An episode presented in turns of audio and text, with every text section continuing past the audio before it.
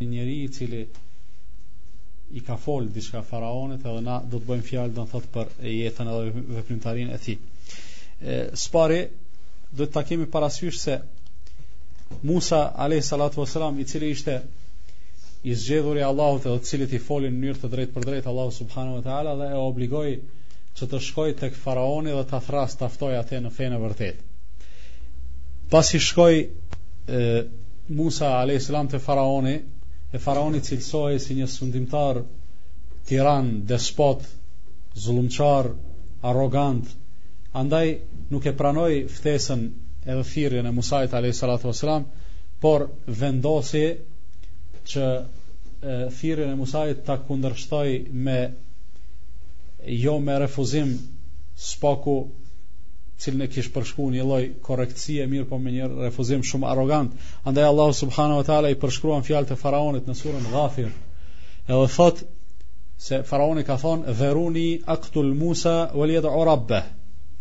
Thot lemni mu, thot faraoni që unë ta mbys Musajn alayhi salatu wasalam. E ai le ta thërret Zotin e vet. E arsyetimi që po e jep faraoni për vrasjen e Musait alayhi salam ishte inni akhafu an yubaddila dinakum aw an yuzhira fil ard al fasad. Thot për shkak se unë kam frikë se ai ka me ua ndrru juve fenë apo ka me bot trazira dhe ngatërresa në tokë. Kush Musai alayhi salatu wasalam. Do thon akuza është për Musën alayhi salatu wasalam se ai ka me bot trazira nëpër tokë, ai ka me i msu njerëzit keq. Ndërsa akuzën kush po e bën, ai i cili meriton edhe duhet në të vërtetë të jetë i akuzuar. Subhanallahu, prej kësaj do ta kuptojmë një një realitet apo ta kuptojmë një ligj, një rregull i cili mbretëron në këtë në këtë jetë dhe në këtë tokë për një urtësi të cilën e din Allahu subhanahu wa taala. Po, kryesisht shumë shpesh gjatë, gjatë historisë përsëritet ky epizod. Zullumçari e akuzon ato të pafajshmin, i padrejti e akuzon atë të drejtin edhe i thot ti ai i cili po bën çrregullime, ti je ai i cili po i tmerron njerëzit, ti ai i cili po e terrorizon botën. A në të vërtet vet ai i cili po akuzon është ai i cili i meriton ato akuza edhe disa apo shumë të tjera më shumë se ato të cilat i jep. Ndërsa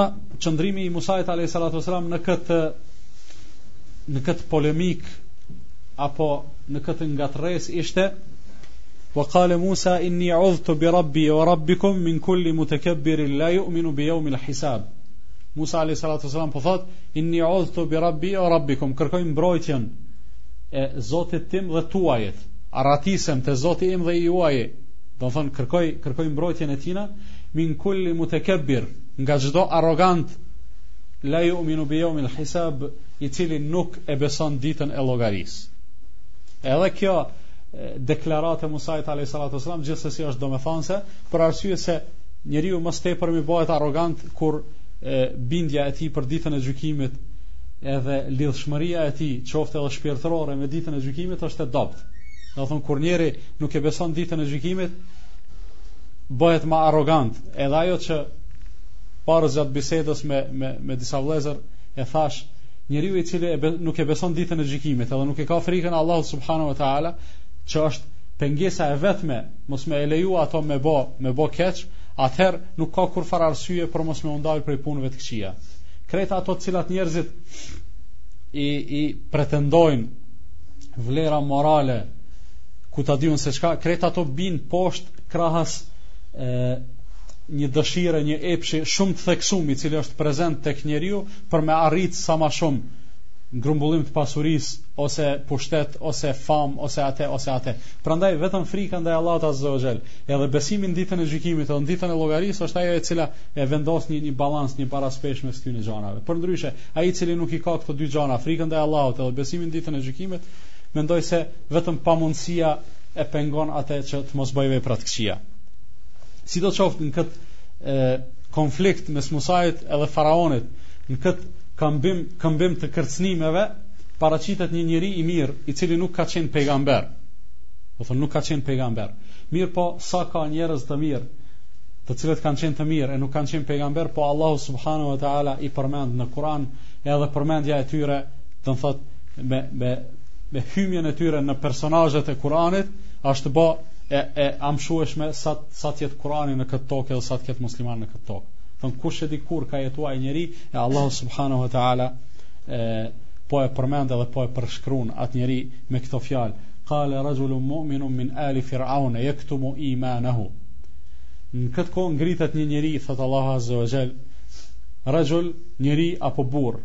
mu'min besimtar. Allahu azza wa jall po e përshkruan me një përshkrim shumë të fortë që ndonjëri prej neve kur thot për veten besimtar, çka do të me thonë?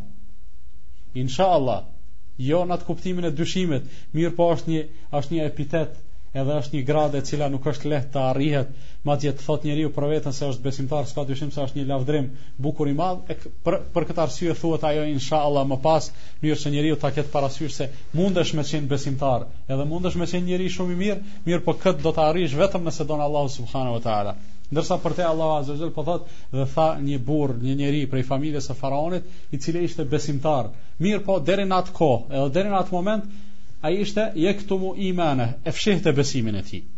Do thon njerëzit deri në atë moment nuk e kanë ditë se ai është besimtar, andaj u çuditën shumë kur prej asaj shoqërie, prej atij rrethi u ngrit një njeri edhe po e kundërshton Faraonin. Faraoni po e thurr atë komplotin e vet, po e bën planin e vet për me e mbyt Musën alayhis salatu wassalam. Respektivisht faraonit nuk i pengonte Musa alayhis salatu wassalam si njeri, si njeri, i pengonte daveti, misioni, ideja e Musës alayhis salatu wassalam. Andaj faraoni i shpalli luftë idesë e jo njeriut si person.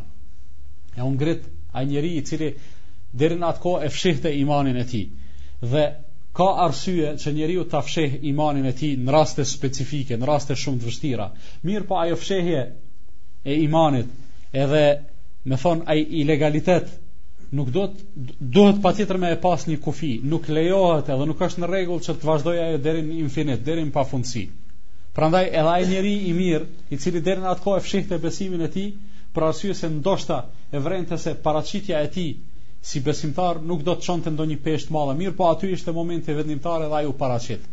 Tha, apo doni me e mbyt e tektulune rexhulen en jekule rabbijallah, apo doni me e mbyt një njeri i cili nuk po thot asgjë tjetër, nuk ka bë kurfar krimi, nuk ka bë kurfar terrori, nuk ka kurfar faji, faji i vetëm i tij sipas juve është en jekule rabbijallah se ai thot se Zoti im, Zoti im është Allahu subhanahu wa taala. Prandaj vazhdon Edhe këto do të keni mundësi po se e lexoni surën Ghafir me e pa këtë fjalët për të mos i përmend ne krejt çka ka thënë ai njeri, po po ju jep argumente popullit të vet duke i këshillu. Thot nëse ky njeri është gënjeshtar. Do thonë nëse ky njeri është gënjeshtar. Atëherë thot lejeni, po gënjen kundër kujt? Kundër Allahut, se po thot Allahu më ka dërgu. Lejeni se Allahu mirret me ta. Edhe Allahu i del boll atij. Mirëpo nëse ai flet të vërtetën, atëherë pse po doni pse po doni me e mbyt kur nëse e mbytni edhe nëse i bëni ndonjë të keqe derisa ky e flet të vërtetën edhe derisa këtë njeri me të vërtetë ka dërguar Allahu subhanahu wa taala atëherë ta keni parasysh se nëse vetëm një pjesë e asaj me çka ky u kërcënohet juve ju godet juve atëherë ju do të mbaroni se Musa alayhi salatu wasalam sikurse edhe çdo pejgamber ju ka treguar njerëzve se un jam i dërguar i Allahut nëse më besoni do të fitoni, do të keni sukses, do të keni jetë të lumtur në këtë botë dhe në botën tjetër.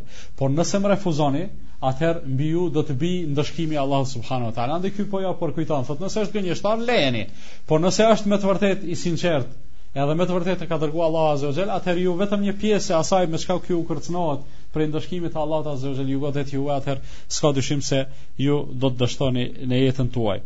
Gjithashtu ë jau përkujtoi edhe një gjë shumë me rëndësi që Subhanallah, edhe kjo si ligj i Allahut ka vlejt vazhdimisht gjatë historisë.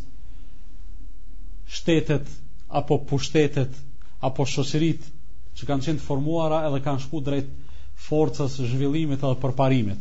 Nëse janë pozicionu përballë ligjit të Allahut Azza wa Jall, do thot nëse kanë fillu me e luftu Allahun edhe me e luftu fenë e Allahut edhe me e luftu shpaljen, s'ka dyshim se përfundimi i tyre ka qenë i gjykum me çka me dështim edhe me ranje, me ranje të plot. Për këtë arsye ju thot ky besimtar: "Ya ja qaumi lakumul mulku al-yawma zahirin fil ard." Thot o populli im, thot ju sot e keni pushtetin edhe me të vërtetë jeni dominues në këtë tokë. Fa men yansuruna min ba'si Allahi in ja'ana.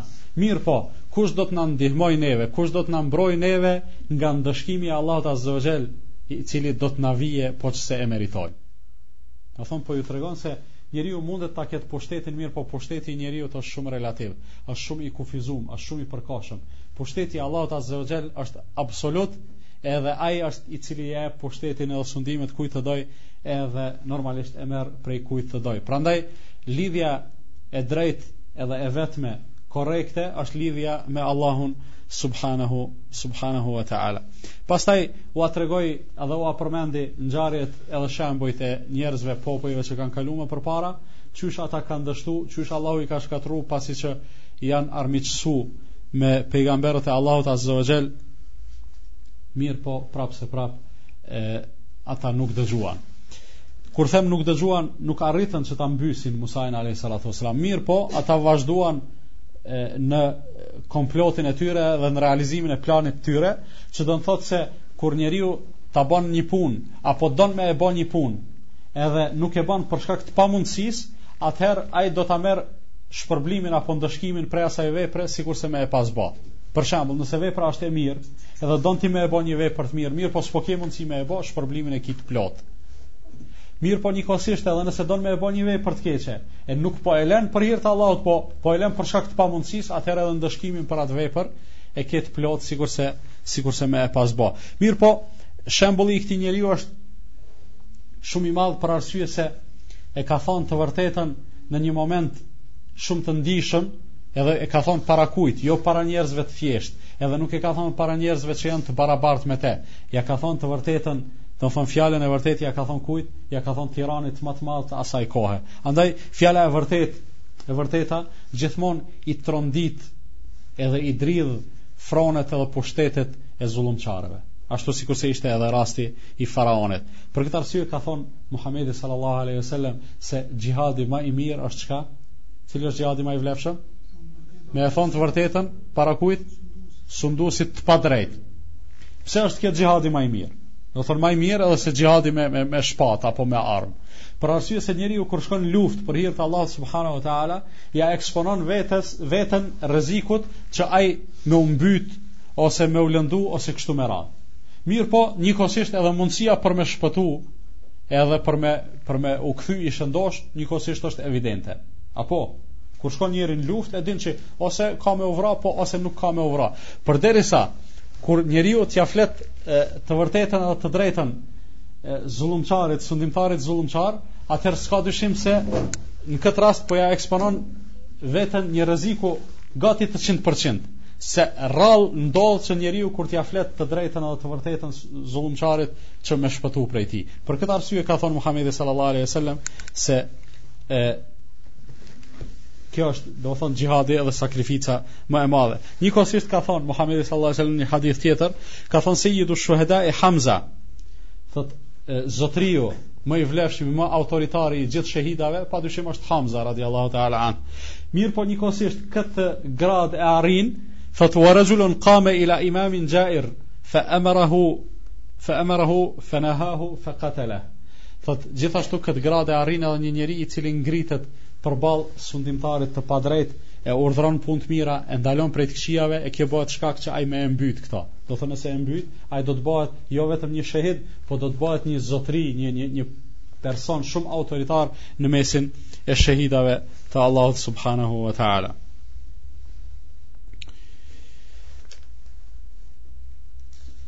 Kjo është arsyeja pse ai njeri është përmendur në Kur'an, edhe pse ai me veprën, edhe me jetën e tij e ka dhënë një shembull shumë të mirë, për arsye se së pari i ka dal krah apo i ka dal në ndihmë një njeriu shumë të dashur dhe shumë të zgjedhur tek Allahu subhanahu wa taala, që ka qenë pejgamberi i Allahut Musai dhe njëkohësisht ja ka dhënë ja ka thënë të vërtetën një zullumçari ma të madh i cili ka ekzistu ka ekzistu në atë kohë. Për këtë arsye dietarët e mëdhej i hasim se ballafaqohen apo mirren me kësi gjana, mirren me gjana të mëdhaja, kurrsesi nuk mirren, nuk mirren me gjana të vogla. Mirëpo, kur njeriu ta bën një gja për hir të Allahut subhanahu wa taala, atëherë s'ka dyshim se e Allahu do t'i dalë në ndihmë atij, edhe do ta mbrojë atë, sikurse ndodhi edhe me, edhe rasti me këtë besimtarin e familjes së faraonit. Allahu azza wajel nuk na ka dhënë detaje se çka kanë dashur ata me i bo këtij apo çka i kanë bo. Mirëpo, e ka përmend Allahu azza wajel në mënyrë kalimthi se ata e kanë bën një kurth, edhe e kanë thurë një komplot për me ja bën një të keqe këtij besimtarit, mirëpo Allahu azza wajel po thotë Fa waqahu Allahu seyyiati ma makaru. Mirëpo Allahu e mbrojti prej të këqijave të asaj që kishin planifikuar ata. Wa haqa bi ali fir'aun su'ul adhab, ndërsa faraonin dhe rrethin e tij dhe suitën e tij dhe të gjithë bashkëmendimtarët e tij i goditi, do të thotë dënimi, dënimi i dhimbshëm. Kështu kur besimtari e ngrit bajrakun për hir të Allahut subhanahu wa taala, edhe Allahu e ngrit atë. Po njëkohësisht edhe kur besimtari jep kontribut edhe angazhohet edhe flijohet e sakrifikohet për ta forcu fenë e Allahut Azza wa Jall, atëherë s'ka dyshim se edhe Allahu Azza wa Jall do ta forcojë do ta forcojë atë njeri. Andaj gjithë këto këta shembuj që i marrin prej historisë islame e që njerëzit me qëndrimet e tyre me të vërtetë kanë dhënë shembull të shkëlqyeshëm se si duhet me qenë muslimani, s'ka dyshim se e, e kanë një një motiv. Motivi kryesor është dashuria ndaj Allahut subhanahu wa taala. Po njëkohësisht e kanë edhe një qëllim apo një synim që duhet të arrijnë apo që ia kanë vizatu vetit që të arrijnë, ajo është që të arrijnë kënaqësinë e Allahut subhanahu wa taala dhe që të arrijnë në në kopshtet e xhennetit. Mirëpo, prej njeriu te njeriu dhe prej situatës te situata dallon mënyra se si ata janë munduar që të arrijnë një gjë të këtillë. Kur ishim te fjala e besimtarit të familjes së faraonit, kur i tha a po e vrisni njeriun i cili thotë Rabbi Allah, Zoti im është Allahu, një rast të ngjashëm e kemi edhe te Ebu Bekri radhiyallahu ta'ala anh, Ebu Bekri Siddiku e ka pas një qëndrim prafërsisht të ngjashëm me ndihmën edhe përkrahjen që ia ka ofru pejgamberit të fundit Muhammedit sallallahu alaihi wasallam. Një rast transmetohet se Uqba ibn Abi Mu'ayt ka qenë prej mushrikëve, edhe derisa Muhamedi sallallahu alaihi wasallam ishte duke u falur në oborrin e Qabes, ai kishte marrë një një petk edhe ia kishte mbështjellur Resulullah sallallahu alaihi wasallam rreth rreth qafës edhe rreth fytit, e kishte shtrëngu aq shumë saqë dëshironte që ta mbyste. Në atë moment afrohet Abu Bekri radhiyallahu ta'ala anh duke e shty atë kriminal duke e largu prej Muhamedit sallallahu alaihi wasallam edhe duke thonë etaqtuluna rajulan En jekule rabbi Allahu wa kad xhaekum bil bejinati mir rabbikum A po doni me mbyt njeriun i cili thotë se zoti im është Allahu dhe juve ju ka ardhur e, ju ka ardhur me argumente të qarta prej zotit tuaj Për këtë arsye ky dhe qëndrime të ngjashme të Ebu Bekrit e kanë ngritur Ebu Bekrin në një shkallë kaq të lartë, madje në një shkallë edhe më të lartë se besimtari i familjes së faraonit, se ne e dimë mirëfilli se Ebu Bekri radiallahu ta'ala anh është njeriu ma i vlefshëm që ka jetu në ftyrën e tokës prej të parëve dhe të fundit pas pejgamberve të Allahut subhanahu wa ta'ala do thonë kur t'i përjashtojmë pejgamberët e Allahut atër gjejmë se prej njerëzve të thjeshtë nëse meritojmë me i qujt të thjeshtë do thonë njerëzit që s'kanë qenë pejgamber atër Ebu Bekri është ma i miri edhe ma i vlefshëm edhe se e, edhe se besimtari i familjes së faraonit Muhamedi sallallahu alaihi wasallam ka thënë Ebu Bekri dhe Omer Sejida kuhul ehlil gjenneti min el awaline vel akhirin, adel enbijae vel murselin. Ka thonë Ebu Bekri dhe Omeri janë zotrinjt, janë ma autoritarët e banorëve të xhennetit. Qofshin ata prej të parve, do në thotë prej të mahershmive, apo prej të mbramëve, që vinë ma vonë, përveç pejgamberve edhe të dërguarve të Allahut subhanahu wa taala. Pra, ajo që na intereson neve në këtë rast është qëndrimi. Çka e bani besimtarin e familjes së faraonit kaq të vlefshëm që të përmendet në Kur'an. Çka e bani Abu Bekrin kaq të vlefshëm një prej qëndrimeve, do të thotë ishte ajo se u ngritën para zullumçarit, para diktatorëve me e thon fjalën e vërtetë, me i urdhëru për punë të mira edhe me i ndalu, me i ndalu prej të këqijave. Gjithashtu prej shembujve që i ka dhënë Allahu subhanahu wa taala në Kur'an, po e përmendim edhe një shembull tjetër, ajo është besimtari, të cilin e ka përmend Allahu subhanahu wa taala në surën Yasin, nëse e keni lexuar surën Yasin, keni me has disa ajete në të cilat Allahu Azza wa Jall thot: "Wa ja'a min aqsa al-madinati rajulun yas'a qala ya qaumi ittabi'u al-mursalin." Nga skaji i qytetit ka ardhur një njeri duke ngarendur, duke u ngutur, edhe ka thonë ya qaumi ittabi'u al-mursalin, o populli im, pasojini të dërguarit. Do thon, shkoni pas të dërguarve, përgjigjuni në ftesën e të dërguarve. Allahu Azza wa Jall e jep një tregim për një vend që komentatorët supozojnë se ka qenë Antakia, do thonë një vend diku ku kufizohet Azia e Vogël edhe Shami, se aty Allahu Azza wa ka dërguar një pejgamber, pastaj një tjetër pas tij e pastaj edhe një të tretë për të thirr njerëzit mirëpo ata kanë hasur në rezistencë, kanë hasur në përgënjeshtrime, në antipropagandë kështu me radhë. E kështu që është ngrit në atë kohë një njeri, gjithashtu prej njerëzve të thjesht prej njerëzve të rëndomt, prej njerëzve jo pejgamber, edhe përveç tjerash do të thotë ju ka thonë njerëzve ja kaumi ittabi'u al-murselin, o o njerëz, o populli im, pasojini dhe përgjigjuni të dërguarve në ftesën e tyre. Pastaj ky njeri, do thonë ky është ajeti 20 i surës Yasin, në ajetin 21 thotë ittabi'u men la yas'alukum ajran wa hum muhtadun. Shkoni pas atyre të cilët as nuk kërkojnë shpërblim prej juve, as nuk kërkojnë të holla,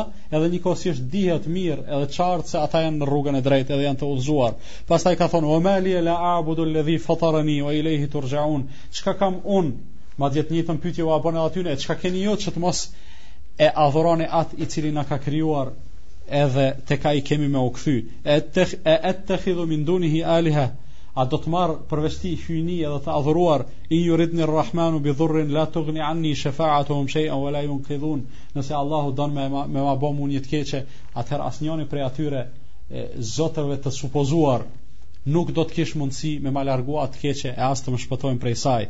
Inni idhen le fi dhalalin mubin, po ta bëja unë këtë, sigurisht se do të ishta, do të isha në dalalet edhe në lajthitje. Andaj, inni amentu birabbikum fesmeun, une besova zotin tim dhe më dëgjoni se kjo që po u them me të vërtet është një, është një thirje e, e vërtetë. Allahu Azza wa Jall e ka përmend rastin e këtij njeriu pas përmendjes së atyne pejgamberëve kur ata e, u ballafaquan me përgënjeshtrimin e popullit të tyre, edhe kur ata ju thanë se shiqoni, ne po e shofim edhe nju po vrejmë një parandjenjë të keqe, po që se ju, ju nuk pushoni së predikuari, së propaganduari këto që ka po folni, atëherë ne sigurisht se juve do t'ju ndëshkojmë edhe edhe do t'ju bëjmë një gjë shumë të keqe. Atëherë në këtë rast është ngrit ai besimtari. Sikurse në rastin e parë, do të thotë kur zullumçarët po ju kërcënohen pejgamberëve të Allahut, atëherë po dalin n'shesh kush? Ndihmëtarët edhe përkrahësit e pejgamberëve.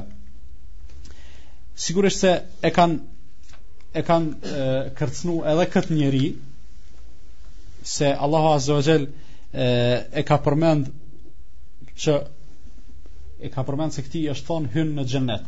E njeriu nuk mundet me hyn në xhennet pa çka? Nuk mundet me hyn në xhennet pa çka? Ha? Pa vdek, domethënë derisa është i gjallë s'mundet, e përderisa i thuhet hyn në xhennet, domethënë ai ka vdek e ndoshta, domethënë dikush prej komentatorëve supozon se e kanë vra për shkak të atij qëndrimi që e ka pas. Mirëpo, e Allahu azza wa jalla thotë wa qila lahu dkhilil janna. I thuhet atij hyn në xhennet.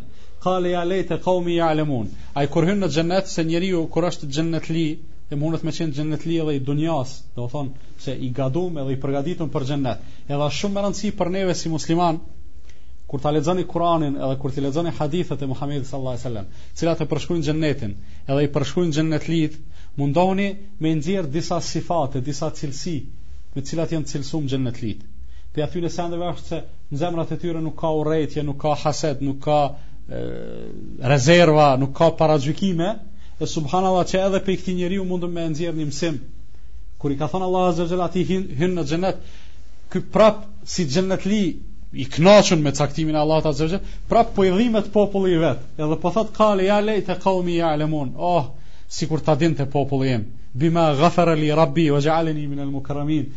Sikur ta dinin ata se Allahu m'i fali mu mëkatet edhe edhe më nderoi shumë.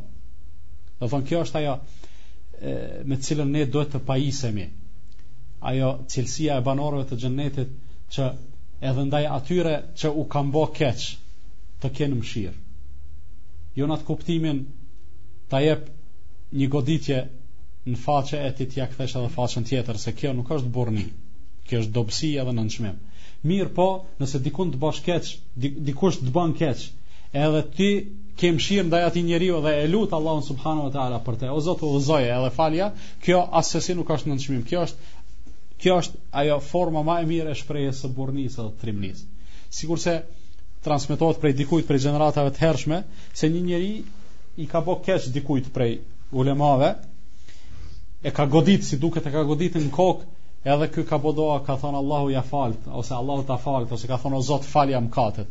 E dikush e ka pyetur edhe atë ditë, ka thonë ai ty po të godet, ti po bën dua për ta. Thotë shiço, thotë unë shkaku i veprimit ti, shkaku i veprimit ti, shpresoj se do të jemi shpërblyer prej Allahut subhanahu wa taala. A është në rregull kjo? Pse ai ka i ka bëu zullum këtij, nëse ky bën sabër, Allahu e shpërblen. Prandaj thotë unë nuk po kam çef, që shkaku i veprimit tim ai me çenë i ndëshkum tek Allahu. Do thonë ai u bë sebep unë me fitu sevap. E unë nuk po them atij Allahu të vraftë ose Allahu të ndëshkoftë se me të drejtë kish me ndëshku Allahu se i ka bo zullum, po po thot Allahu ta faltë në mënyrë që edhe ai të shpërblehet tek Allahu subhanahu wa taala. Pra, kjo është ajo ndjenja që duhet të jetë e e e theksuar dhe e kultivuar tek besimtarët në përgjithësi, do thon hjekja e urrejtjes, edhe urrejtja të jetë për shkak të veprës. Do thon të urrehet vepra, të urrehet e keqja, e asesi apo asesi jo, po Jo do e mos të urrehet ai i cili e bën të keqen, për shkak se ka mundësi që ai e bën të keqen, e ndoshta zemrën e ka të mirë, për arsye se akoma nuk është i vetëdijshëm se ajo vepër është e keqe. Andaj kësi lloj çasje duhet të kemi ndaj njerëzve në përgjithësi. Kështu duhet të themi edhe ne, inshallah Allahu na bën prej xhenetlive në ahiret. Po të bëjmë xhenetli të dunjas edhe të themi ja lejte qaumi ya'lamuna bima ghafara li rabbi waj'alani min al-mukramin. Me thonë na vazhdimisht gjatë ditës ose gjatë natës, Ah sikur njerëzit, sikur populli jonë ta dinte se Allahu na i ka falë mëkatet, edhe Allahu na ka nderuar shumë. Kjo do të jetë për në xhennet, mirëpo të themi sa na ka nderuar Allahu Azza wa Jall neve që na ka bëu musliman, që na ka udhëzuar në rrugën e drejtë. Edhe shpesh herë të na vije kjo të themi ah sikur sikur populli jonë ta dinte se sa nder i madh është kjo. Këta ishin dy shembuj prej Kur'anit. Shembull, shembuj të tjerë ka ka mjaft, ka edhe në hadithe të Muhamedit sallallahu alajhi wasallam. Do t'i marrim edhe disa shembuj nga jeta e dijetarëve do thonë që kanë jetu pas sahabet pas sahabeve se jeta e sahabeve padyshim është e mbushur me, me shembuj të këtillë mirëpo ne sa ma afër kohës tonë që të jenë ata shembuj ne akoma ma shumë do ta shohim se ajo çka po mësojmë edhe ajo për çka po flasim nuk është vetëm një teori e thatë e cila nuk ka mundësi me gjetë hapsirë për aplikim në jetën tonë. Mirëpo ajo çka ne po flasim, e kanë praktiku njerëzit edhe e kanë apliku njerëzit para neve në jetët e tyre, andaj kemi mundësi edhe na të bëjmë një gjë të këtillë. Do thonë, kjo është e, ajo urtësia kryesore apo fshehtësia kryesore pse Allahu subhanahu wa taala ka përmendur shembuj praktik në Kur'an, ka përmendur edhe Muhamedi sallallahu alaihi wasallam ju e dini se prej metodës së Muhamedit sallallahu alaihi wasallam ka qenë që e, shpesh kur kanë qenë muslimanët në kriza, në vështirësi, në gjendje të rënda, çka ju ka përmendë? Ju ka përmend sabrin e umeteve dhe besimtarëve të mëhershëm. Një prej shembujve ka qenë El Hasan El Basriu prej tabiinve, sigurisht të gjithë keni ndëgju për El Hasan El Basriu, një njeri i mirë, një dijetar, një i devotshëm, një njeri që me të vërtetë me jetën e tij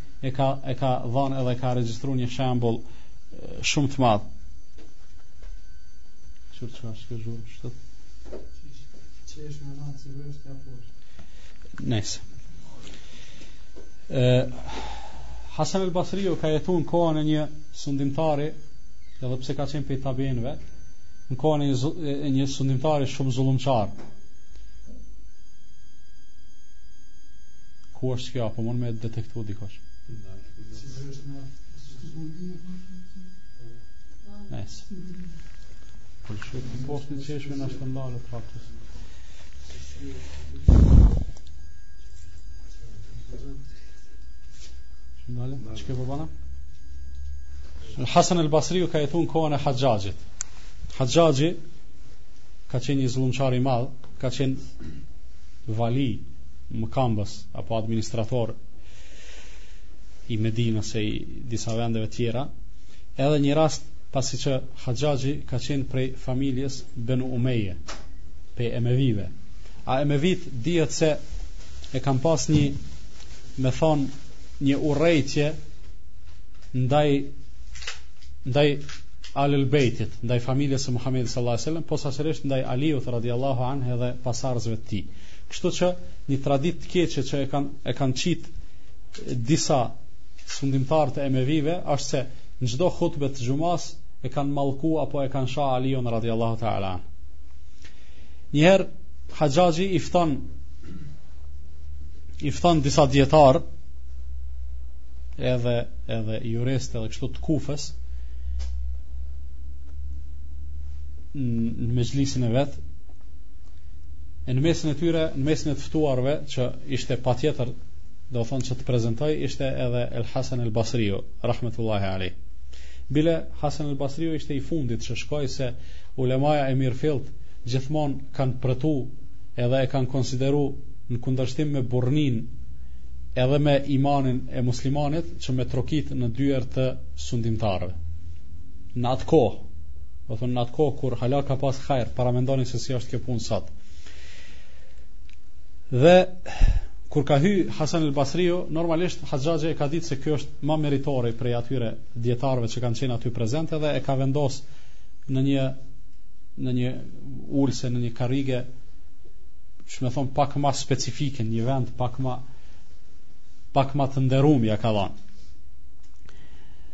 Pastaj ka fillu Haxhaxhi me fol për Ali ibn Abi Talibin radiallahu anhu për Aliun që është një prej dhjetë të, dërgu, të, të përgëzuarve me xhennet është i katërti i hulefai rashidinve është djali i axhës së Resulullah sallallahu alaihi wasallam, dhëndri i tij, i pari që e ka pranuar Islamin prej fëmijëve e kështu me radhë e kështu me radhë. Do të thotë nëse fillojmë me i numëru të mirat edhe edhe virtytet e Aliut radhiyallahu anhu, ato padyshim se janë të shumta dhe nuk do të arrijmë që që ti numrojmë. Megjithatë, Haxhaxhi, një njeri i keq, një njeri zullumqar ka filluar me fol keq për e, Aliun radiallahu ta'ala. Ata dijetarë që kanë qenë aty prezent, kanë bo me kokë në mënyrë pohuese nga frika e sherrit të Haxhaxhit. Domethënë janë tut shumë se Haxhaxhi ka me ua bo ndonjë sherr, andaj asnjëni prej tyre nuk ka pas guxim e, që ti ta kundërshtojë Haxhaxhin. Ndërsa Hasan el Basriu po hesht. E Haxhaxhi e pa se heshtja e tij do të thotë është nuk është në pajtim me ato çka po flet ai, andaj po i thot çka po thu ti o o dijetar, o imam për Aliun edhe për ato çka thash un e deri deri tash. Atëherë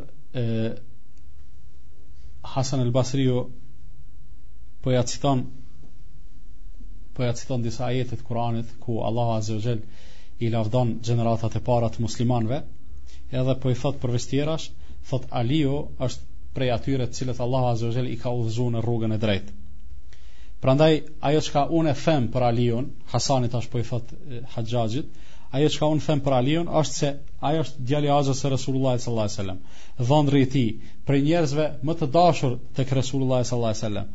Është prej atyre që kanë parapri në iniciativa të mira dhe në iniciativa të hajrit. Ë andaj thot askush e as ti nuk guxon që këto të mira dhe këto virtyte me ja mohu Aliut radhiyallahu taala anh. As që ke pas mundësinë të kalumën me i pengu që Allahu mos me ia dhon ato të mira. Andaj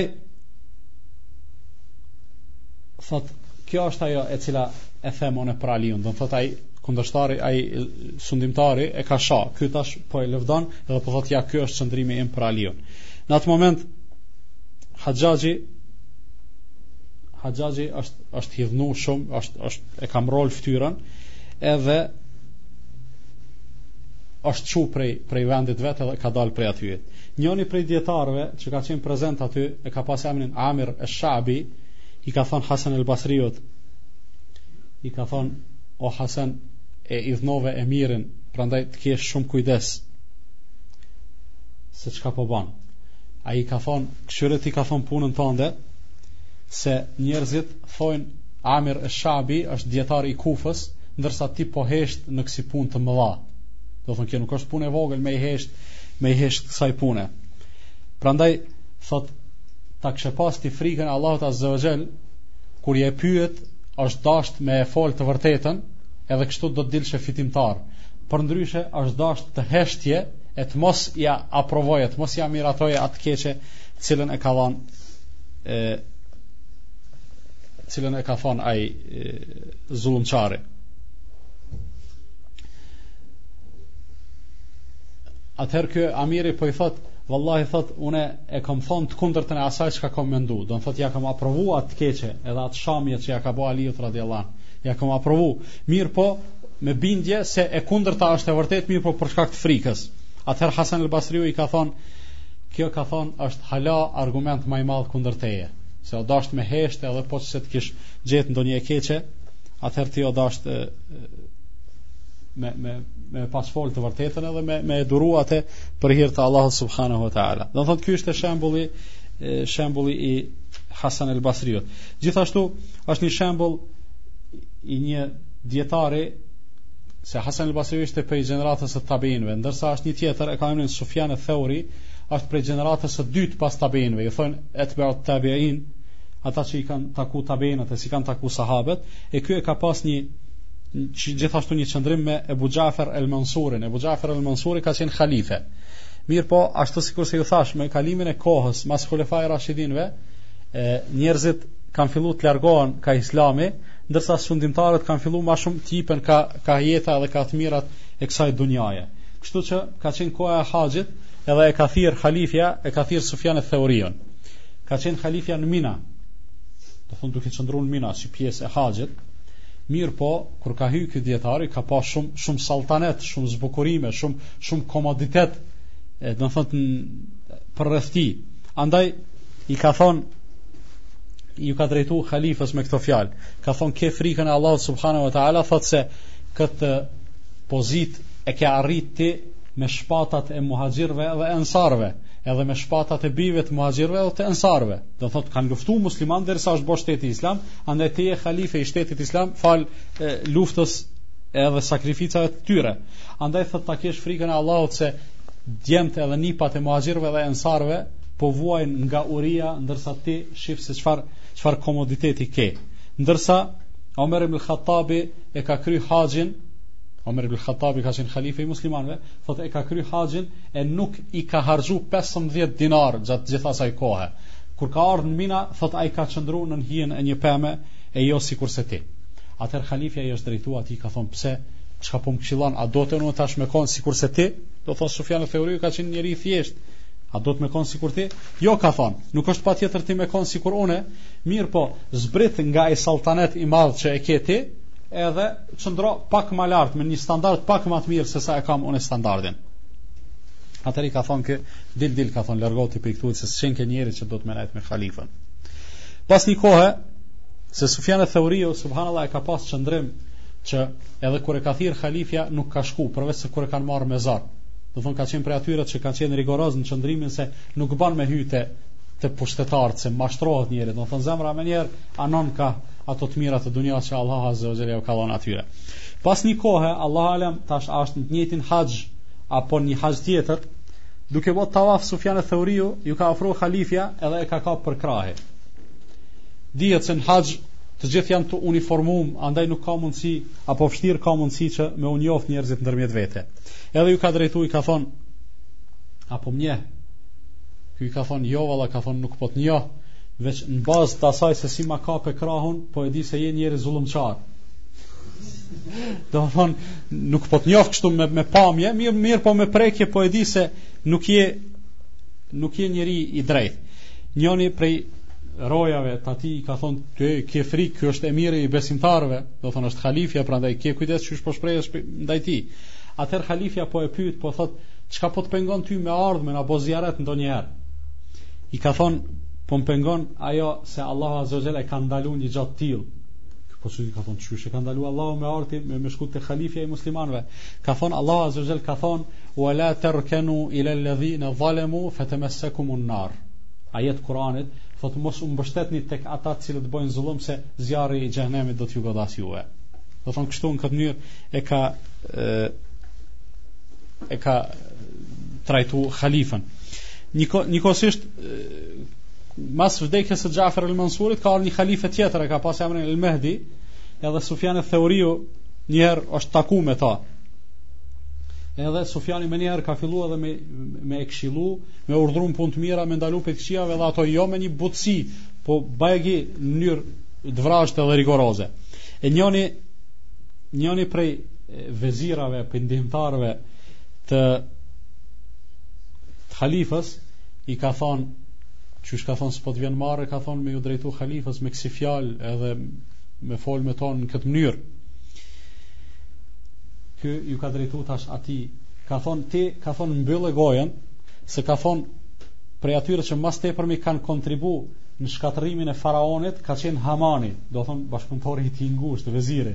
Thonë me i kallëzu që nëse ky shkon dalalet, ju bashkëpuntorët e tij jeni që ma shumë ti i kontriboni kësaj pune. Pandaj ka thonë ti hesht, ka thonë se sikur ti, tipat sikur ti, do të thotë i çojnë n'shkatërrim edhe ata që janë më të mirë se vetë. Atëherë njëri i ka thon halifës mas mas një kohë i ka thon halifës a po më lejon ka thon t'ja pres kokën Sufjanit se qysh po sillet me halifën ky njeri s'bën me jetu atë. Mirëpo halifja i ka thon vallahi ka thon lene ka thon se ky s'bën me u mbyt se nuk ka njeri prej të cilit që meriton njerëzve me u ardhë marre prej tij, ma shumë se sa, se sa Sufjan eth-Theuriu, rahmetullahi alejh. Për këtë arsye, dijetarët kanë nxjerrë një konkludim. Thotë, sa ma tepër ta dosh Allahun azze ve xhel, aq ma tepër kanë me të dasht njerëzit. Dhe thonë, kur ta dush ti Allahun, njerëzit kanë me të dasht ty. E assesi nuk ndodh e kundërta, që kur t'i dush njerëzit me të dasht Allahu subhanehu ve teala. Thon çdo gjë ta bësh për Allahun, Allahu t'i nënshtron ty gjanat tjera. Prandaj aq sa e don ti Allahun, aq do të dojnë njerëzit. Aq sa ta kesh ti frikë Allahun, aq do të respektojnë ty njerëzit. Dhe aq sa je ti i angazhum edhe i zanun me Allahun azza wa jall, aq Allahu do t'i angazhojë të tjerët për të shërbyer ty. Ë gjithashtu transmetohet një ngjarje tjetër me një person i cili e ka pas emrin Amr ibn Habib, ka qenë gjykatës dijetar dhe në kohën e Harun al-Rashidit, Harun al-Rashidit domethon ka qenë një prej halifeve të njohur. E ai i ka mbledh disa dijetarë në prezencën e vet edhe zakonisht e kanë dashur që kur ta bëjnë një gjë do të thonë ata halifet, disa halifet që kanë pas defekte në në dinin e tyre dhe në metodologjinë e tyre, kanë deshë që kur ta ndërmarrin një hap me e pasë mbështetjen e dijetarëve, në mënyrë që përgjegjësinë me ia lon atyne në me thonë valla na s'kena ditë, i kena vetë dijetarët ata na kanë thonë kështu. E një herë ai i ka thirr për me u konsultu me ta diçka, saqë është bë aty një një polemikë e madhe, kanë ardhur në përfundim se ajo çka po don me e bë halifja nuk është në rregull, për arsye se është një hadith të cilin e transmeton Abu Huraira se Resulullah sallallahu alaihi wasallam ka thonë kështu kështu kështu, e do thonë ajo ai veprim është në kundërshtim me këtë hadith. Tash çka me bë? ë Për me ia bo qefin halifës, dikush u çua dhe ka thonë valla, po ama Ebu Hurejra nuk është nuk është transmetues i besueshëm, nuk është besnik. Andaj hadithi është i dobët. E hadithi i dob, halifja rahat, merret atë veprimin se s'paska kurfar pengese. Mirë, po çysh ka mundësi ndonjëri prej sahabeve të Resulullah sallallahu alajhi wasallam me qenë transmetues jo besnik edhe i dob. Do thon s'ka mundësi kjo. Atëherë është ngrit ky Amr ibn Habibi, që ka qenë prezent aty, është ngrit edhe ka bërtit me zë të madh. Wallahi thot, hadithi është sahih. Do thon hadithi është sahih. Edhe Ebu Hurejra është prej shokëve të Resulullah sallallahu alajhi wasallam Edhe nuk ka mundësi do të thotë që ky hadith të hidhet poshtë e as të flitet keq për Abu Huraira. Atëherë halifja është çu, është idhnuar, dhe është ngrit prej atij mexhlisi dhe ka dal. Pastaj janë janë shpërndar edhe këta kanë shkuar nëpër shtëpia të veta. Ka ardhur edhe ky Amr ibn Habib në shtëpinë e vet, pas një kohe po i vjen një një kurier edhe po i thot halifja po të thrret. Në këtë rast ky ka qenë në halifën, halifën e ka idhnu, Tash halifja po e thrret për ndonjë të mirë, sigurisht jo. Edhe ky po e bën një dua dhe po thot: O Allah, thot ti e din se vallahi nuk kam pas qëllim tjetër, përveçse që ta mbroj edhe t'i dal krah një sahabiut të Resulullah sallallahu alaihi wasallam. Edhe e madh e madhrova, do thon e ngrita të dërguarin tënd edhe fjalët e tij që të mos i konsiderojnë shokët e tij gënjeshtarë. Prandaj o Zot më shpëto prej sherrit të tij. Edhe shkoj. Kur shkoj thot, kur shkova thot te Harun Rashidi thot, kishte qenë ulun në një karrigë, në dorë kishte shpatën edhe përpara vetes e kishte shtruar një shtrojë. Edhe ky menjëherë ka kuptuar ato se që gjaku i tij kur del do të thot mos me ja përly, mos me ja përly vendin atje. Atëherë po i thot Harun al-Rashidi po i thot o o Amr thot kërkush në jetën time deri sot thot nuk m'u ka drejtu edhe nuk më ka fol në atë mënyrë sikurse më ke fol ti mu sot edhe shumë thot e, shumë thot je trimnu ndaj meje atëherë ky ka fillu me fol edhe ka thon o prijësi i besimtarve vërtet ajo të cilën sot unë e fola edhe e, edhe qëndrimin të cilin sot e mora thot është dasht që ti ta kesh atë qëndrim që të mos anë, të mos e nënçmojmë Resulullahin sallallahu alaihi wasallam edhe shokët e tij. Se sikur ta bënim një gjë të këtill, edhe të thonim vallahi Ebu Hurejra nuk është i besueshëm, Ibn Omeri nuk është i besueshëm, Abdullah ibn Mesudi s'është i besueshëm. Thot atëherë krejt lajmet që na kanë ardhur prej Resulullahit sallallahu alaihi wasallam nëpërmjet tyne do të ishin të kontestueshme, edhe në këtë rast do të thotë sheriati i Allahut azza wa jall do të binte poshtë, do të thotë do të bëhej, do të bëhej i papërdorshëm. Andaj thot ti nuk duhet ta merr ta merrje këtë çndrim. Prandaj ke frikën e Allahut subhanahu wa taala se çndrimi yt ka qenë i gabueshëm edhe i krejt atyne njerëzve që kanë qenë në prezencën tënde. Mirëpo, duhet ta kesh çndrimin që ta mbrosh dinin edhe ta mbrosh sunetin e Rasulullah sallallahu alaihi wasallam. Atëherë kur e ka dëgju këtë këshill Harun al-Rashidi, do thotë iu ka zbut zemra, edhe i ka thonë më ngjalle o Amr, Allahu të ngjalltë. Më ngjalle o Amr, Allahu Allahu të ngjallt. Gjithashtu me të njëjtin njeri transmetohet një tregim apo një një një rast që e ka pas me halifën El-Ma'mun.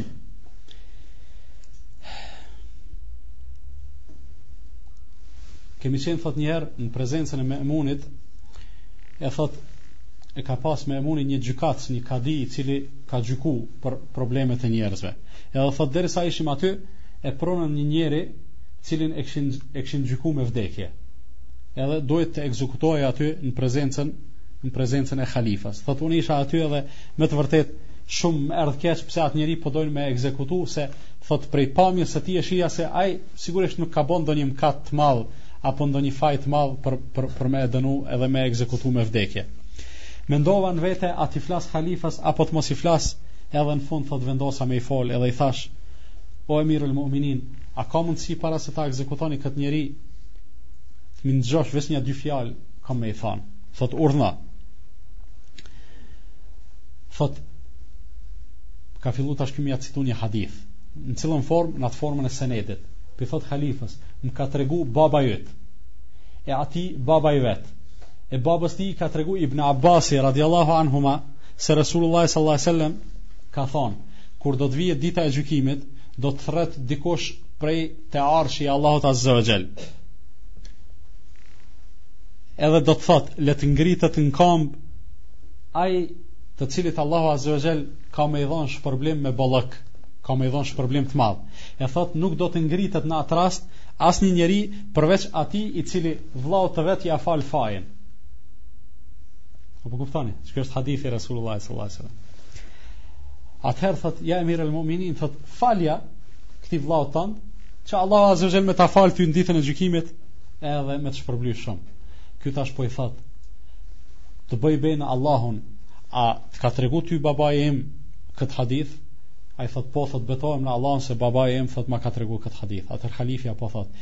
Edhe unë thotë betohem në Allahun se edhe mu baba im ma ka tregu këtë hadith. Paramendo njeri e ka ditë hadithin.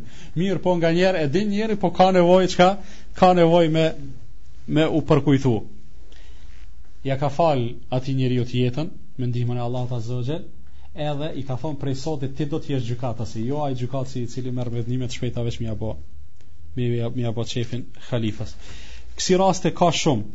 Do të thon ka raste të shumta se si ka ndodh e, një si me thonë përballim apo një ballafaqim mes dijetarëve e posaçërisht mes disa sundimtarëve të cilët e, kanë qenë bajagi edhe të padrejtë e kështu me radhë mirëpo e, subhanallah pasi që janë të shumta nuk kemi mundësi t'i përmendim të gjitha po e përmendim vetëm edhe një ka qenë rasti i El Iz ibn Abdus Selamit një prej dijetarëve të mëdhej madje është quajtur sultan, sultanul ulema, sultani i dijetarëve, e ka pas një farë rasti me një sultan të Egjiptit, do me thënë një sundimtar të Egjiptit, sundimtarët në atë periudhën më të hershme e kanë pas traditë që për ditë të Bajramit të dalin në fushë, edhe për me e fal Bajramin, edhe për me u taku me njerëz, mirëpo e kanë pas traditë që ato stolitë më të mëdhaja, më të mira që i kanë pas, i kanë marrë me veti, qoftë për nga veshja, qoftë për nga rregullimi i vendit ku kanë qëndruar e kështu me radhë.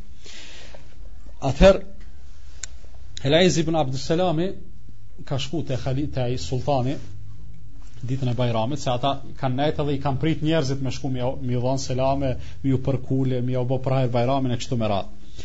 Ka shku El Iz ibn Abdus Salami ky dijetari, edhe kur është avit te te sultani, te sundimtari, te mbreti, nuk i ka thon o sultan ose o sundimtar ose o halife ose o prijës i besimtarëve, po e ka thirr n'emën. I ka thon o Ejub. Thot Allahu Azza wa Jall kur të merr në pyetje ditën e gjykimit, edhe ka me të thon, a nuk të, a nuk ta kom mundsu unë që ti ta sundosh Egjiptin. E pastaj ti nuk ke qenë mirënjohës ndaj meje, as ke urdhnu n'punë të mira, as ke ndalu prej të këqijave. Thot çka do t'i thush Allahut në atë ditë? Do thot me fjalë të rrepta dhe në emën po e thrret. Ai tash po e pyet thot po për çka është fjala? Thot fjala është për alkoolin i cili pihet në filon vendin, për filon veprën e keqe që bëhet në filon vendin e kështu me radhë. Thot pse a ka ndodh kjo? Thot po ndodh dhe ja jep këto dhënat se ku çka po ndodh në vendin e tij. Thot me të vërtetë thot ky sundimtari thot o zotri, do thon ky po i drejtohet sundimtarit Në emër, ai po i drejtohet këtij, O zotëri! Thotë, Po më vjen keq, mirëpo, thotë, këto gjana janë të trashëgume nga pushteti i babait tim. Ky prapë tash po kalon në ofanzivë. Thotë, A ti, vallë, do të jesh prej atyre të cilët kanë me i thënë Allahut azze o xhel, Ne i kemi gjetë baballarët në një rrugë dhe kemi shku mas tyne? E pa se mbeti pa, pa përgjigje, po i thotë, Po mirë, tregon, thotë, krejt çka ka ndodhë prej të këqijave, unë do t'i ndaloj. Edhe ky po i tregon, alkoholi shitet në filan vendin, pihet në filan vendin, bëhet kështu, bëhet kështu, edhe më njëherë pas një kohe mbreti po jep urdhër që ato vende të shkatërrohen edhe të pengohen ato të këqija. Kur po kthehet ky në shtëpinë e vet edhe po takohet me anëtarët e familjes e me dikën prej shokëve, prej talebeve të vet, njëri po e pyet. O imam thot, pash Allahun thot, qysh pate guxim me ju drejtu në atë mënyrë edhe përveç tjerash me e thirr n'emën. Thot kur ju afrova, thot e paramendova madhështinë e Allahut subhanahu wa taala. do thon e pata në mend se sa i madh është Allahu Azza wa Jall, andaj thot kur e kisha parasysh këto, thot vallahi thot sultani m'u doke mua si një mace vogël. Kështu kështu ishin qëndrimet e njerëzve të mirë. I madhnonin, i madhnonin ligjet dhe dispozitat e Allahut subhanahu wa taala, andaj Allahu i bonte ata të mëdhej në syt e zullumçarëve më të mëdhej. Për këtë arsye thot Allahu Azza wa Jall,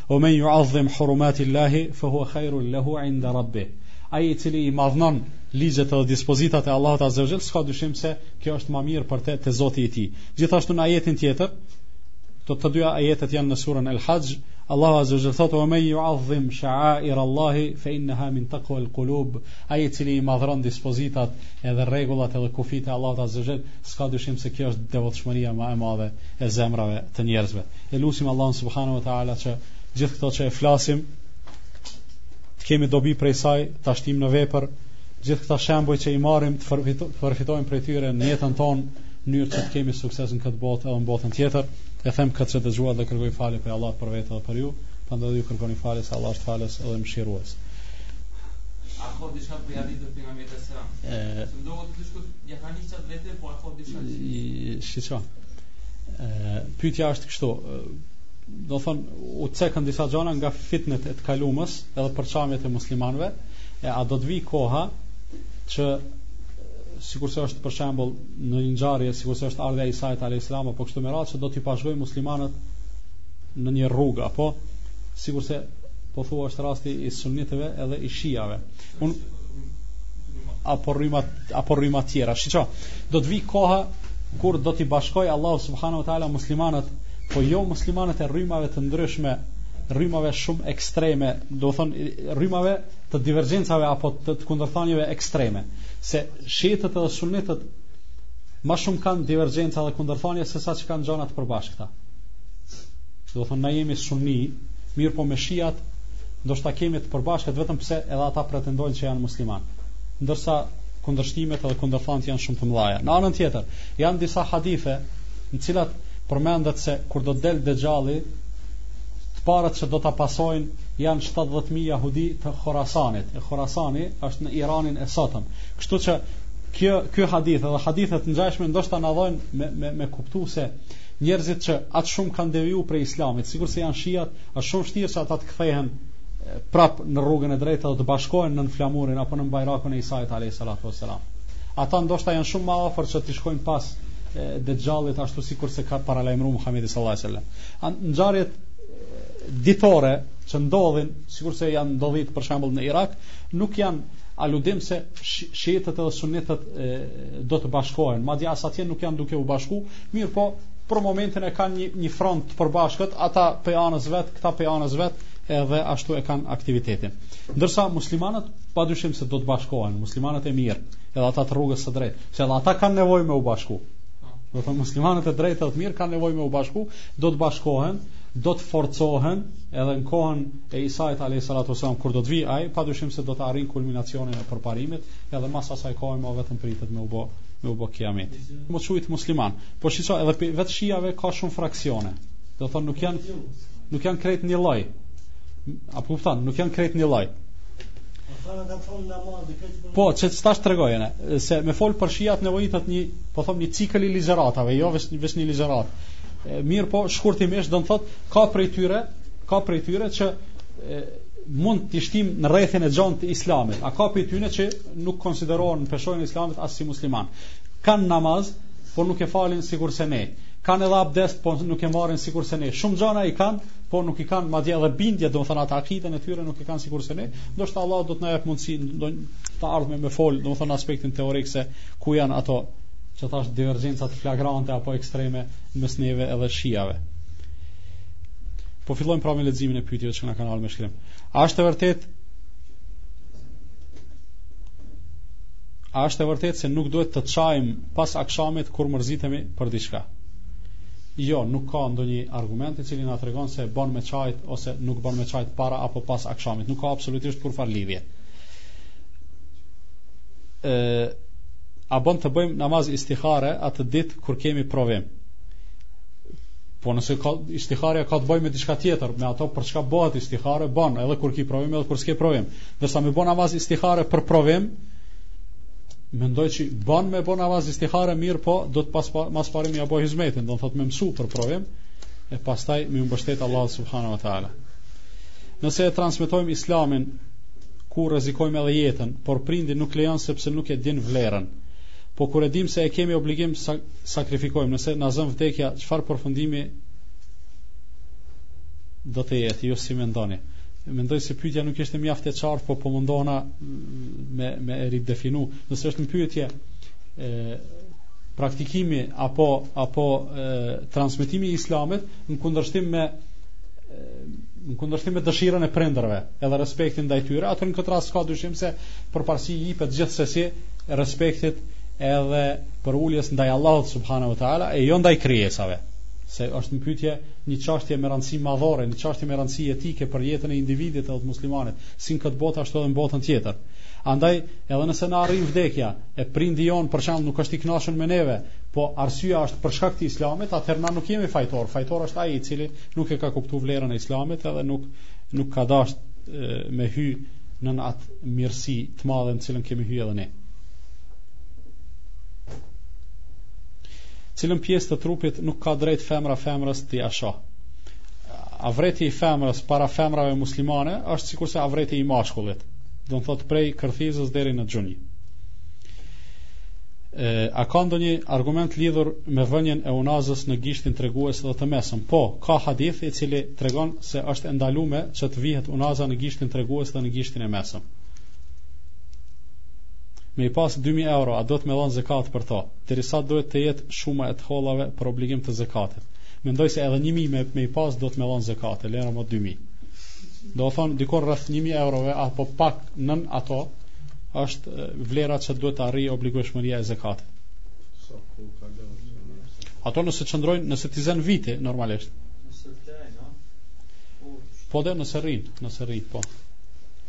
Do thon nuk është nuk obligohet automatikisht vetëm si t'i posedon njeri, mirëpo nëse e ka për një vit çat e posedon çat pasuri. Jemi absolvente dhe fakulteti ynë ka vendosur të na dërgojë në Sarajevë në një fabrikë për të parë punën praktike. A lejohet që ne si besimtare të udhëtojmë vetëm pa mahrem? Jo, nuk lejohet. Do të thonë, nuk lejohet që të udhëtojë besimtarja pa mahrem. Kemi dë, kam dëgjuar se zjarri i xhehenemit është i bardhë, i kuq dhe i zi, dhe prej tyre i bardhi është më i rëndi. A është e vërtetë kjo? Them të drejtën, kësi soj diçka unë nuk kam dëgju, mirëpo e di se zjarri i xhehenemit është ndezur një mijë vjet derisa është bë i kuq, pastaj një mijë vjet derisa është bë i bardhë, pastaj një mijë vjet tjera derisa është bë i zi. Dhe e di se zjarri i xhehenemit në përgjithësi është i zi edhe i errët. Allahu alem, mendoj se këtu është ajo moskuptimi që e ka hasur. Kam lexuar në një libër se leximi i surës Duhan ditën e enjte pas namazit të ikindis është mirë me u lexu. A ka ndonjë argument për kët? Nuk e di.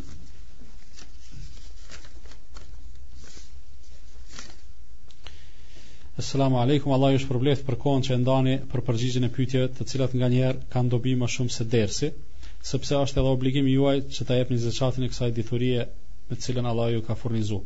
S'ka dyshim se pyetjet unë për vete e konsideroj se ndoshta pjesa më interesante e ligjëratës janë pyetjet edhe përgjegjet, për shkak se ligjërata mundet me qenë një temë të cilën unë ndoshta e shoh se është me vend, a ndoshta ajo për juve nuk ka ndonjë rëndësi të madhe. Përderisa pyetjet edhe përgjegjet edhe debatet do të thotë janë ai thelbi apo ajka ajka e ligjëratave e ligjëratave dhe e derseve. Prandaj edhe unë i çmoj pyetjet edhe gjithmonë mundohem që në përgjegje të jap sqarime sa më sa më të mira brenda mundësive. Pyetja e parë, gjatë vitit të kaluar kam falë namaz nate, mirëpo që një kohë e kam ndërpre për shkak të gjendjes shëndetësore. A duhet që veprat vullnetare kur të fillojnë të mos ndërpriten, do të thotë të jenë në vazhdimësi? Po, duhet që veprat vullnetare kur të fillojnë të jenë në vazhdimësi, mirëpo gjendja shëndetësore apo problemet shëndetësore janë një arsye që bën me i lënë disa vepra vullnetare, sikurse është namazi i natës, apo agjërimi nafile, apo kështu me radhë, nëse këto veprime do të thotë ta rëndojnë gjendjen shëndetësore edhe më tepër. Përndryshe, nëse njeriu e bën një vepër të mirë vullnetare, kur smuhet, nuk ka mundësi me e bë, atëherë Allahu Azza wa Jalla ja shkruan shpërblimin sikurse sikurse me e pas bë atë vepër, për shkak se Allahu sikurse kam thënë edhe më herët prej neve kërkon me me tregu gatishmëri për vepër, e, edhe nëse nuk jemi në gjendje me me vepru veprën, ashtu si e kërkon Allahu prej neve, ai prap do ta ketë në konsiderat atë gatishmërinë tonë. A lejohet me mbajt protezë në dhëmb për drejtimin e tyre? Po, mendoj se nuk ka ndonjë ndonjë problem që të mbahet proteza për drejtimin e dhëmbëve. Kur pesha ime trupore është më e vogël, e kam imanin më të fortë. Domethënë e kam një baraspesh të cilën mundohem ta mbaj, nëse kjo baraspesh ngritet për 2-3 kg, atëherë më duket se imani më bie. Për këtë i kam treguar një motre besimtare dhe ajo më ka thënë se duhet pas frikë Allahun se po e mundon shpirtin tënd dhe për këtë ke me dhon llogari. Sa është e vërtetë kjo? Ë pjesërisht edhe un pajtohem me këshillën e asaj motrës që ta ka dhënë. Nuk është mirë që ne si musliman të kompleksohemi, të kompleksohemi shumë me pamjen tonë të jashtme. Ë nuk mendoj se ka ndonjë lidhshmëri reale mes peshës fizike edhe të them peshës shpirtërore apo fuqisë së imanit. Mendoj se ndoshta kjo është më shumë pak si vesvese, andaj binde veten se sado që ta kesh peshën, do thotë ti duhet të jesh besimtare e mirë, besimtare e fortë, e devotshme e kështu me radhë dhe kështu do ta kalosh këtë farë këtë farë hutie. Në anën tjetër s'ka dyshim se njeriu do të thon prej gjanave që më së tepërmi hakmirën apo prej gjanave që i hakmirën njeriut të njëjtën e posaçërisht në gjallërinë e tij shpirtërore është padyshim ushqimi i tepërt. Edhe kjo që thashë më herët nuk do të thotë se ne duhet të lejojmë që të shtojmë peshë, të trashemi e kështu me radhë, për arsye se këto padyshim se janë vetëm pengesa. Mirëpo, jo deri në atë masë që të bëhet kompleks joni se posa të kemi, do të thonë peshë të shtume, imanin gjithsesi do ta kemi të dobët. A ka mundësi të na tregoni diçka për lapsin e Allahut subhanahu wa taala? Nuk kam has kërkun të thuhet lapsi i Allahut, do të thotë se të përmendet si pronësi, mirëpo ekziston hadithi, cilin thotë Rasulullah sallallahu alaihi wasallam se Allahu azza wa jalla ma s'pari që e ka kriju, e ka kriju lapsin edhe i ka thon shkruaj. Ai ka thon çka me shkru, ka thon shkruaj çka do të ndodhë deri në përfundimin e kësaj bote. Edhe do thon çka është në përgjithësi për lapsin, jo lapsin e Allahut, vetëm lapsin. Edhe e di se Allahu azza wa jalla është betu në lapsin, ka thon nun wal qalami wa ma yasturun. Nun betohem në lapsin edhe betohem në atë që ata shkruajnë. Prandaj kjo tregon për vlerën e lapsit, diturisë e kështu me radhë. Pse femrat e kanë varrin më të thellë se meshkujt? Si e komentoni këtë? Ë mënyra mënyra injorante e komentimit të kësaj, do të thonë jo mënyrë islame, mënyra injorante e komentimit të saj thonë se femrat bëjnë më shumë gjunahe, andaj shtihen më thellë në dhe për të ndëshkuar, ndërsa meshkujt bëjnë më pak. Kjo nuk qëndron normalisht, ashtu sikurse nuk ka ashtu sikurse çto vini re mirë. Ashtu sikurse nuk ka kurrfarë argumenti që varri i femrës duhet me qenë më i thellë se varri i mashkullit.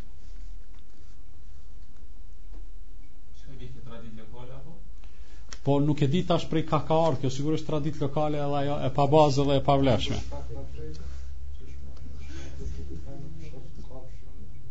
Nuk besoj. Allahu alem po s'e.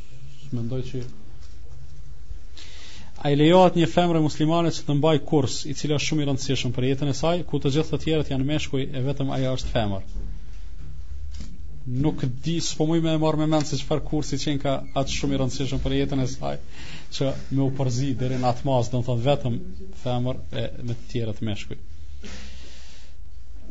Çka do të thotë shkuarja në mbrëmjen e maturës?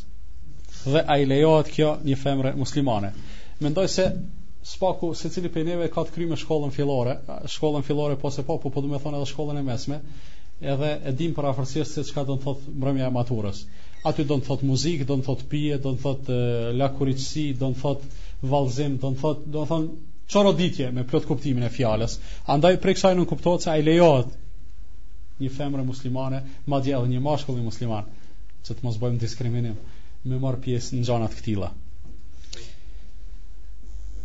Koment a pyetje? Jo pyetje. Por më.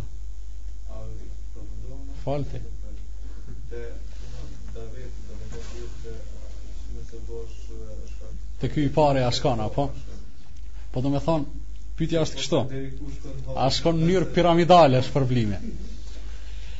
Pyetja është nëse e dim se që të bëhesh shkaktar që një njeri të udhëzohet, do të thotë ka vlerë edhe peshë shumë të madhe. Andaj Çdo vepër e atij t'udhëzumit pas teje, do të shkojë edhe në llogarinë tënde, pa iu mungu atij. Tash shtrohet pyetja nëse ai tash, me thonë nxënësi yt, bëhet shkaktar me udhëzu dikush tjetër e ai te një i katërt e i pesti, a të vin ty shpërblimet. Po. Do thon bash bukvalisht në mënyrë piramidale. Do thot sa do që të vazhdon ai daveti, edhe të bëhen shkaktar ata që njerëzit m'u udhëzu, ty do të vinë shpërblimet pa iu paksu atyne shpërblimet për veprat e tyre. Dikush mundet me thonë, po qysh, Allah Azze ve Xhel ka shumë, me thonë, mos u çuditni, Allah është shumë bujar dhe shumë fisnik, edhe shumë jep, edhe i posedon, do me thot, ato depot e dunjas edhe të ahiretit, prandej Allah i shpërblen shumë. A keni më pytje? Nëse s'keni, po e përfundojmë.